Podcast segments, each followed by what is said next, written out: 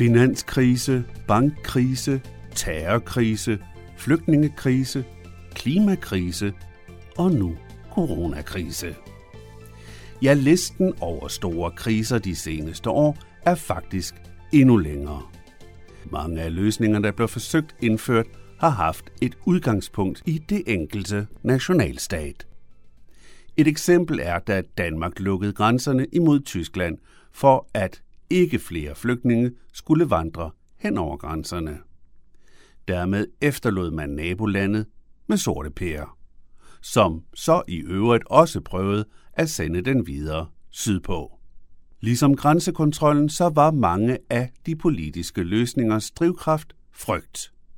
Frygt for, at den græske gældskrise skulle suge andre lande med i en uendelig gældssump. Frygt for at stå alene med alt for mange flygtninge. Frygt for, at nabolandets indbygger kan bringe endnu mere coronasmitte ind i landet. Frygt og kortsigtede nationale løsninger. Men nu skal det være slut med frygtens politik. Det skal også være slut med, at EU føles som en fjern, udemokratisk enhed, som ikke lytter til befolkningerne. Det mener denne her udsendelses interviewperson, som kommer her. Jeg hedder Bjarke Møller, og øh, jeg er journalist og forfatter, øh, og har lige udgivet en bog, der hedder Håbets Politik, jeg er tidligere chefredaktør for Ubred mandag morgen og øh, direktør for Tænketanken Europa. Øhm, men i dag der er jeg forfatter. Du har skrevet den her bog på 826 sider, øhm, og i den bog der beskriver du en række kriser, som ligesom, sådan som jeg opfatter det i hvert fald, der er en form for fundament for dine forslag. Hvis vi lige starter med de her kriser, hvad er det for nogle kriser, du, du opremser her?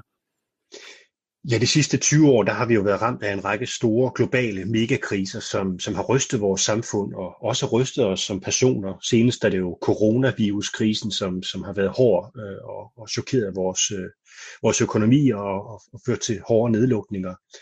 Øh, men øh, vi har jo haft øh, lige tilbage til 11. september 2001 med, med, med terrorattentatet øh, i New York til sidenhen terrorkrige, øh, den globale finanskrise, den europæiske migrationskrise, som også var en voldsom rystelse for, for den europæiske union. Så, så vi har været ramt af kriser og været i chok, øh, og det skaber sådan nærmest en, en lang hale af, af traumatiske efterskæld, som, som, som også sætter sig i politikken og, og kan føre til en, en form for frygtens politik, hvor vi reagerer i frygt øh, og øh, defensivt øh, forsøger at løse de kriser, vi lige nu står øh, i. Men øh, det vi skal, det vi skal forholde os til, det er også, øh, hvordan skal vi agere i fremtiden. Ja, fordi øh, når du nu renser de der kriser op, så kan man ikke lade være med næsten at blive træt af at høre om kriser hele tiden. Men det vil sige, det er altså reelle kriser, det er ikke bare sådan, fordi det blev en over. Nej, det er jo, det er jo voldsom krise. Altså, vi kan jo se, at demokratiet i dag er, er, har oplevet en, en, en voldsom øh, øh, mistillid øh, fra vælgere til, øh, øh, til politiske partier og også til nationale parlamenter, for så vidt også til EU. Så der har været en stigende mistillid. Det er ikke fordi folk ikke er demokrater i Europa. Øh, folk er meget demokratiske og varme tilhængere af demokrati og retsstat. Men de er skuffede over de resultater, der kommer ud af det. Og det er der, jeg foreslår, at, at vi i stedet for at fokusere på frygt og kortsigtede reaktioner, skal fokusere på det, der skaber håb øh, om, at vi, vi kan komme ud af de her kriser. Altså, så det er en håbets politik. Øh, jeg siger det på den måde, at, at, at frygten den, den sparker bagud og, og gør os bange mens at håbet det bygger op, og det, det tror jeg, vi skal i gang med. Ja, fordi du nævner jo også, at de her lande, og det er blandt Ungarn, som jo er helt simpelt nævnt, men vi kunne vel også godt nævne Polen i forhold til EU, altså hvor deres parti PIS, som på dansk vel nok øh, ikke er så godt oversat til PIS, men, men, men det er, de kalder det, øh, jo, jo har blevet mere og mere EU-skeptiske. Det er som om, at de ikke rigtig gider EU, øh, når de går ud over dem selv. Er det i virkeligheden ikke et spørgsmål om manglende solidaritet mellem landene over for andre lande, og i sidste ende også fra borgerne i forskellige lande over for andre landes borgere? Så Ungarn og Polen er jo en særlig, øh, altså en, en, en særlig historie, fordi at, at der sker nogle voldsomme angreb på retsstaten i øjeblikket, øh, uafhængige dommer og den slags uafhængige presse, øh, hvor at, at de regerende partier, nationalkonservative partier, øh, forsøger at, øh, øh, få hvad skal man sige, øh, styr positionen, øh, således at det giver mindelse om øh, det, som Orbán jo også selv har talt om, nemlig et illiberalt demokrati, altså som, som gør op med et liberalt demokrati. Så det er jo dybt bekymrende, fordi det er i strid med de værdier, som Ungarn og Polen skal under på, da de kom ind i den europæiske union. Øh, men, men der ligger jo noget dybere under det her. Altså der ligger jo hele det her med, at vi øh, efter murens fald, Berlinmurens fald der i, i 1989, der, skal, der var der en voldsom eufori og en forventning og en forhåbning om, at nu skulle fremtiden blive meget bedre, og, og, og Øst- og Centraleuropæerne håbede på, at de kom ind i den europæiske union meget hurtigt for at slippe fri af, af Sovjetunionen, som jo sidenhen også brød sammen. Øh, men de kom jo ind i den europæiske union, men så blev de udsat for nogle voldsomme strukturreformer, øh, som, som jo førte til, øh, at, at øh, en del af borgere blev kastet ud i, i arbejdsløshed. Det tog lang tid for dem at komme ud af den økonomiske krise. Så det skabte en rystelse i det her samfund. Så vi, vi, vi, vi, spændte virkelig dem, vi blev virkelig spændt hårdt for. Oven i det, så var der en skuffelse i Vesteuropa. Altså vi så en række korruptionsskandaler, øh, ledende politikere, fremtrædende politikere, regerings, øh, stats- og regeringschefer, som blev viklet ind i korruptionsskandaler i Vesteuropa. Så der, det skabte også en desillusion i Vesteuropa. Øh, og det glemmer vi nogle gange i dag, når vi skal skrive historien. Øh, vi troede jo bare, det var historien var afsluttet, og så var alt blevet godt. Men det var en enormt naiv øh, forestilling. Jeg kalder det en liberal nostalgi, øh, til, til, som var på spil her. Men, men den, den barske realitet var jo, at selv langt ind i, i Vesteuropa var der de herskende klasser, eliter, øh, der så vi nogle, nogle store svigt, som også skabte et fundament for den tillidskrise. Og når man så ovenikøbet blev ramt af, af de her voldsomme globale chok øh, for terrorkriser og migrationskriser osv., senest coronavirus, jamen så får du altså så får du en, en, en, en meget øh, svær situation for demokratiet. Og det er der, at vi har brug for politikere, der kan skabe håb, øh, viser vejen til nogle, nogle, nogle, nogle fremskridt, som, som folk også føler øh, bliver forankret i deres eget liv. Øh, og det er en lang transformation, og der, der tror jeg, at rystelserne, vi ser i Polen og Ungarn, er, er måske øh, altså, det er det mest ekstreme udtryk for det her, men, men, men vi ser det også dybt ind i, i det vestlige, øh, de vestlige øh, lande. Ja, for når jeg tænker på Polen, så ved jeg, at øh, den uh, polske ambassadør i Indien, Pakistan og Afghanistan, det er nemlig samme person, og, og han er Adam Budakowski, han siger til mig direkte citat til radioen, at demokratiets tid er over. De virker som om, at de i hvert fald ikke er frem positivt overrasket over demokratiet. Tager man til Italien, så kan man se sådan lidt en lignende stemning med, at alle politikere er bare korrupte. Øh, så, jeg, så umiddelbart så lyder det jo meget som om, at, øh, at folk har mistet tilliden til både demokrati og, alle, og i hvert fald politikerne i særdeleshed. Men det er, de, de har mistet tilliden til politikerne, den herskende klasse, øh, men, men de har ikke mistet tilliden til demokratiet. Altså der er meningsmålinger, som meget grundigt har undersøgt det her i de europæiske lande, og, og det er sådan 9 ud af 10, der, der er meget varme tilhængere af lighed for loven. Øh, og det samme antal, som, som er meget tilfredse med at bo i et demokrati øh, og er tilhængere af demokratiet. Det, de ikke er tilfredse med, det er de politiske beslutninger, der bliver truffet. Så man skal skille den her diskussion ad. Øh, der er ikke tale om demokratisk stagnation som nogle øh, forskere har talt om.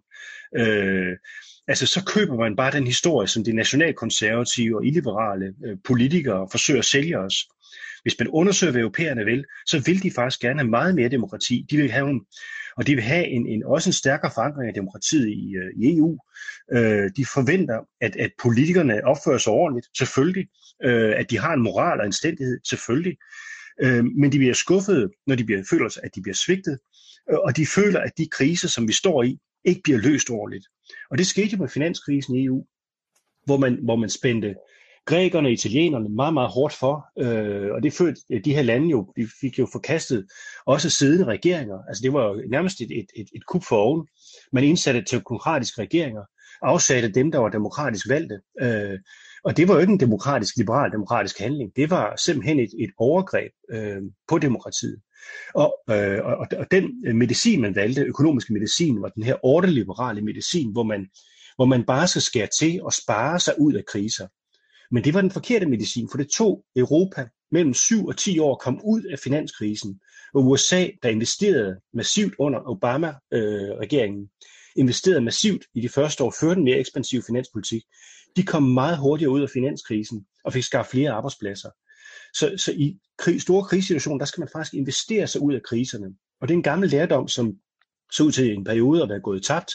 Men nu har vi jo set under coronakrisen, at politikerne faktisk har lært af det. Altså man har jo oprettet den her store fond, Next Generation-fonden, øh, som, som øh, er optaget med lån, 750 milliarder euro, hvor landene er blevet enige om at være med til at hæfte for de lån, fælles lån, Øh, og dermed investere sig ud af krisen. Og det tror jeg er en enormt vigtig lære, at, at politikerne faktisk lærer af deres fejl og kommer videre og løfter sig op øh, og ser det store sigte. Og, og, og der kan ikke nytte noget, at, at vi, øh, vi undergraver fundamentet for demokratiet ved at tage nogle beslutninger, som dybest set øh, øh, påføres endnu større smerte. Der handler det om at tænke også lidt langsigtet. Og lige nu der står vi altså over for den allerstørste af dem alle sammen, den største krise, og det er jo de globale klimaforandringer, som vil ryste vores samfund de kommende år, hvis ikke vi får gjort noget ved det. Og der er man brug for meget større ambitioner, et, et hurtigere en hurtigere hastighed for reduktionen af CO2-emissioner. For ellers så bliver vi ramt af voldsomme øh, ændringer i vejrlivet, øh, oversvømmelser, øh, storme, orkaner, øh, der vil koste os dyrt i fremtiden, og også vil skære meget af vores velstand i øvrigt, øh, og koste mange mennesker livet. Øh, det ved man jo for de her naturkatastrofer. Og, der, og det er den krise, vi skal til at forholde os til. Der kan ikke nytte noget, at vi laver fedt spil i EU, og det er min bog, sådan set et forsøg på at sætte på dagsordenen, det, at vi skal øh, sætte en meget højere ambitionsniveau i EU. Og mit, mit bud er, at EU skal gøres til en grøn supermagt. Vi skal simpelthen være øh, verdens frontløber på, på grøn omstilling, og vi kan gøre det meget hurtigere, end det, der i øjeblikket ligger i planerne fra, fra EU, øh, hvis vi investerer målrettet. Og hvis vi gør det, så kan vi også skabe masser af nye arbejdspladser, millioner af nye grønne job i Europa. Øh, og, og det er en god forretning for os, fordi det er en investering i, at vi sparer øh, de udgifter, der kommer ved store naturkatastrofer i fremtiden, hvis vi gør det nu. Hvis ikke vi gør det nu, så, har vi ikke, så viser vi ikke rettidig omhu, og det er det, vi skal gøre. Bjarke Mølle, i din bog, der kredser du jo meget omkring EU som lige præcis den altså skal vi sige, det organ, der kan øh, løse de her kriser. Altså det er det her med, at det enkelte land i sig selv ikke kan løse krisen. Men netop EU er jo opbygget omkring det enkelte land. Altså det her med mere EU er jo ikke lige populært i alle lande. Så hvordan, hvordan ser du chancerne for, at EU skulle kunne indføre et projekt, som dels bliver mere demokratisk, sådan som du beskriver det i din bog, og dels giver mere magt til EU? Altså, hvordan er chancerne for det? Det, er i, øh, altså det, det handler jo om den, den fælles bedste interesse. Jeg, det, det, mit, det mit hovedargument er sådan set, at, at det vi har set øh, i kølvandet på globaliseringen, jo, som øh, den økonomiske globalisering, der har gjort, at, at i landene er blevet, kommet under pres, hård konkurrencepres globalt, og det har ført til reduktioner også af, af en række velfærdsordninger, selv i Danmark, øh, øh, og, og debatten om konkurrencestaten og andre ting og sager, der har været i gang, altså hvor man af hensyn til den globale økonomiske konkurrence er begyndt at skære nogle ordninger til. Øh, og, og vi ser det i mange andre områder, øh, at, at, at, at vi er under pres, global pres. Det er min, mit budskab er sådan set, at hvis vi samarbejder mere i EU, så kan vi også bedre redde den nationale velfærdsmodel. Altså, det er nemmere at redde de velfærdsordninger, vi har, hvis vi gør tingene sammen, øh, investerer sammen, øh, løfter os sammen, øh, handler sammen. Øh, Øh, vi kan bedre tøjle øh, de store globale selskaber, som ikke betaler selskabsskat, hvis vi gør det sammen, har flere muskler i EU. Vi kan indføre en fælles minimumsskat for selskaber i Europa, således at, at der ikke er øh, så meget skattesnyd. Vi kan gøre op med skattely. Vi kan gøre, vi kan, man, kan, man kan regulere de selskaber, som, som svigter. Vi kan gøre noget ved de digitale giganter, øh, så vi også får noget teknologisk øh, afhæng, uafhængighed i Europa. Øh, der er mange ting, man kan gøre, øh, men, men, men når man arbejder sammen, så får man også en større styrke. Øh, det er sådan set den påstand, jeg, jeg, jeg, og jeg prøver at argumentere for det, og har også fremlagt en, en, en række forslag til, hvordan man så kan, konkret kan gøre det i forhold til de forskellige kriser.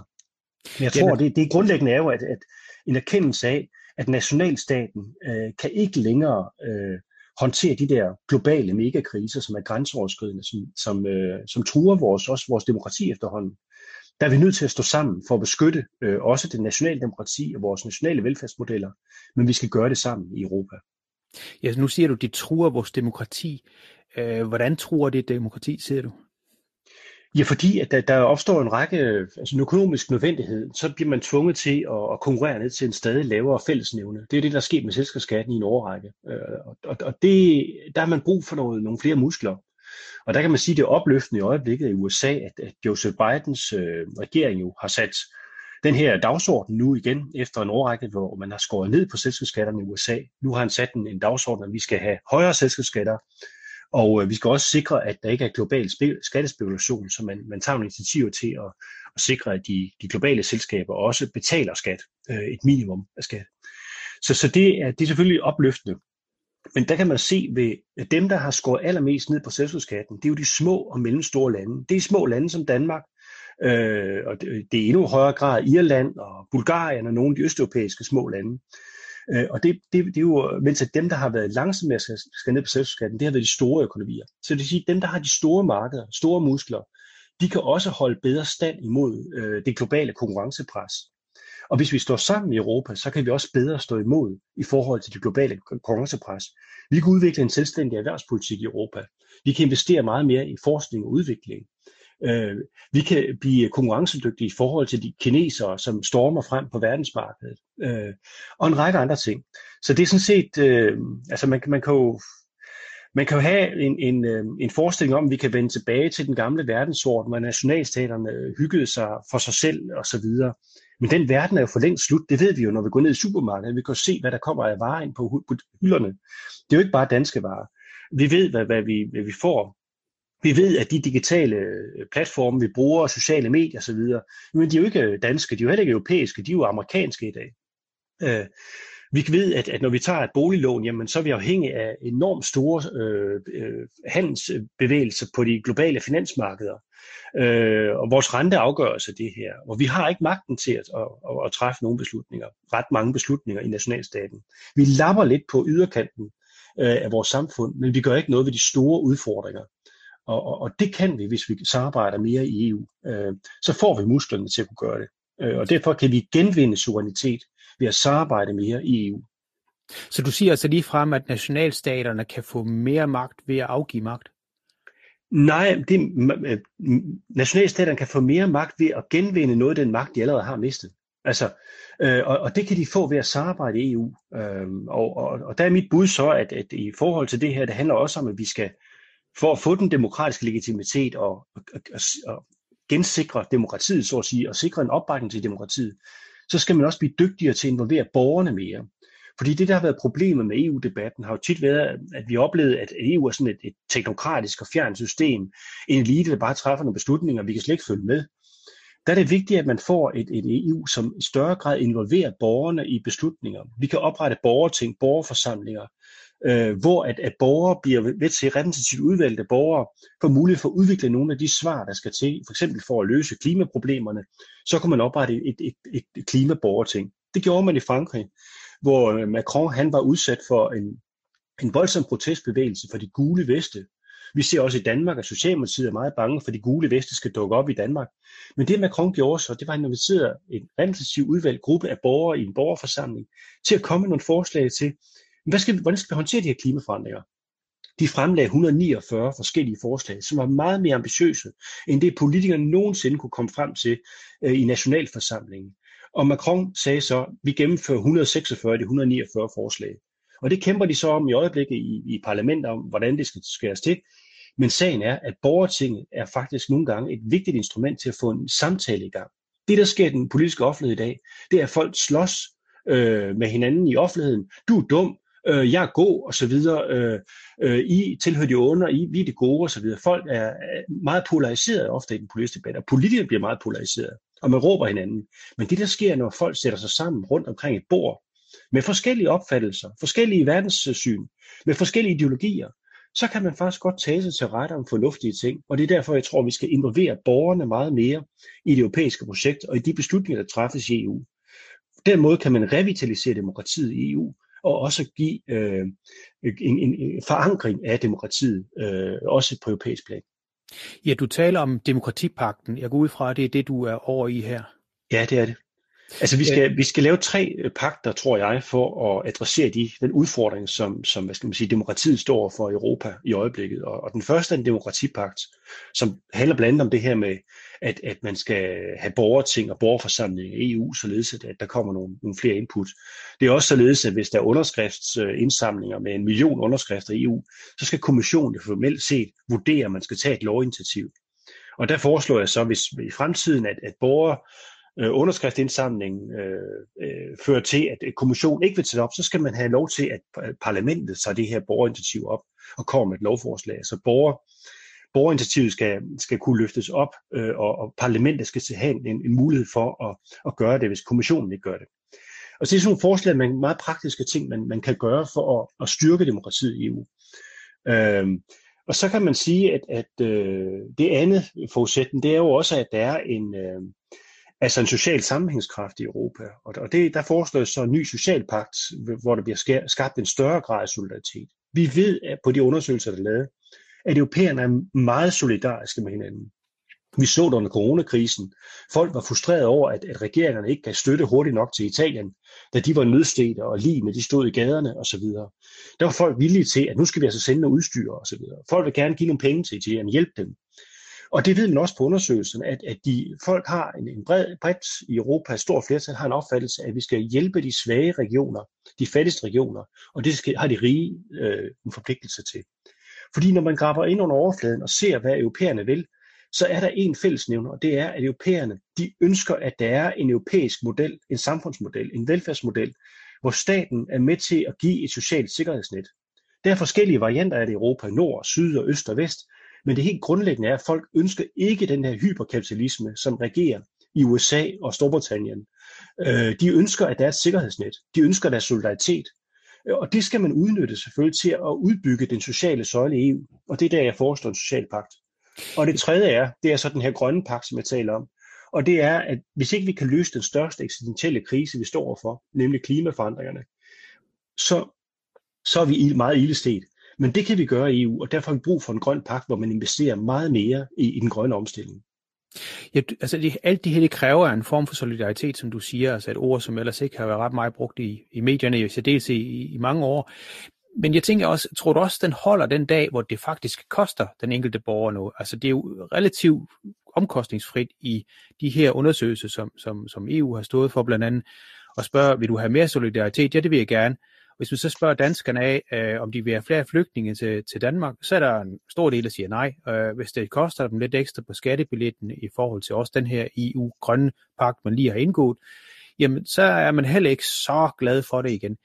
Tror du, at at man faktisk kan komme igennem med den solidaritet, når de begynder at koste noget, for det kommer jo ikke gratis det her.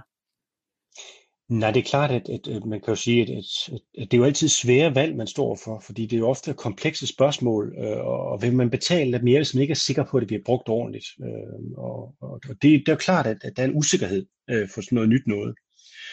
Øh, men men øh, i forhold til flygtningekrisen, da, da jeg var direktør for Tænketanken Europa, der lavede vi en undersøgelse midt under øh, flygtningekrisen i 2015, hvor der var de her meningsmålinger om, at, at, øh, at et flertal af danskere ønskede national grænsekontrol. Øh, og, og, og det øh, var der mange medier, der havde de målinger, men vi prøvede så at lave en anden undersøgelse, hvor vi prøvede at spørge folk om nogle flere ting, nemlig Ønsker du, at der er en fælles europæisk øh, asyl- og flygtningepolitik? Øh, ønsker du europæisk grænsekontrol? Ønsker du national grænsekontrol? Ønsker du en dansk, selvstændig dansk asyl- og flygtningepolitik, så EU skal blande sig i det? Og det overraskede os, fordi resultatet var, at, at et stort flertal ønskede faktisk de to europæiske løsninger. Øh, mens at, at, at der var ikke det, det stod, den store opbakning til en ren dansk løsning. Det var meget få, der ønskede det. Og, og, og det viste også en ting, nemlig det var, at, at grunden til måske, at folk øh, sagde ja tak til den nationale grænsekontrol, det var, at de ikke følte, at der var en ordentlig ydre europæisk grænsekontrol. Så det var den næstbedste løsning, man accepterede. Og så vil det også ske nogle gange i samtaler, man, man taler med folk og siger, hvad kan vi egentlig blive enige om? Og så finder man ud af, at man kan ikke nå måske at blive til enige om det vigtigste, og så gør man det næstbedste. Men viljen til at lave en europæisk løsning var der. Og der er mit forslag i bogen, at, at at vi skal kombinere øh, en europæisk asyl- og flygtningepolitik med en meget stærkere europæisk grænsekontrol. Jeg foreslår, at hvor der i dag er 1700 mand, der bevogter de ydre grænser i Frontex, at der skal vi helt op på 50.000 mand. Altså vi i virkeligheden får en, et stærkt ydre europæisk grænseværn, således vi får en kontrolleret indvandring til Europa. For det er folk ikke øh, kede af. Folk vil godt have kontrolleret indvandring, hvis de ved, at de folk, der kommer ind, også er villige til at arbejde og betaler skat, øh, og i øvrigt vil opføre sig ordentligt. Det vil folk gerne have. Øh, og det skal være et omfang, vi kan styre og kontrollere. Og der er mit bud så, at det får vi brug for i fremtiden, fordi at i 2035, allerede om øh, små øh, 14 år, der ved vi i Europa, at vi kommer til at mangle 55 millioner øh, i den arbejdsdygtige alder i Europa. Så mange mennesker mangler vi bud på arbejdsmarkedet. Det betyder, at vi er nødt til at tænke langsigtet også. Fordi hvis vi i dag står i den situation, at vi ikke har arbejdskraft nok, så bliver vi fattige. Så får vi ikke råd til vores velfærd, som vi gerne vil have.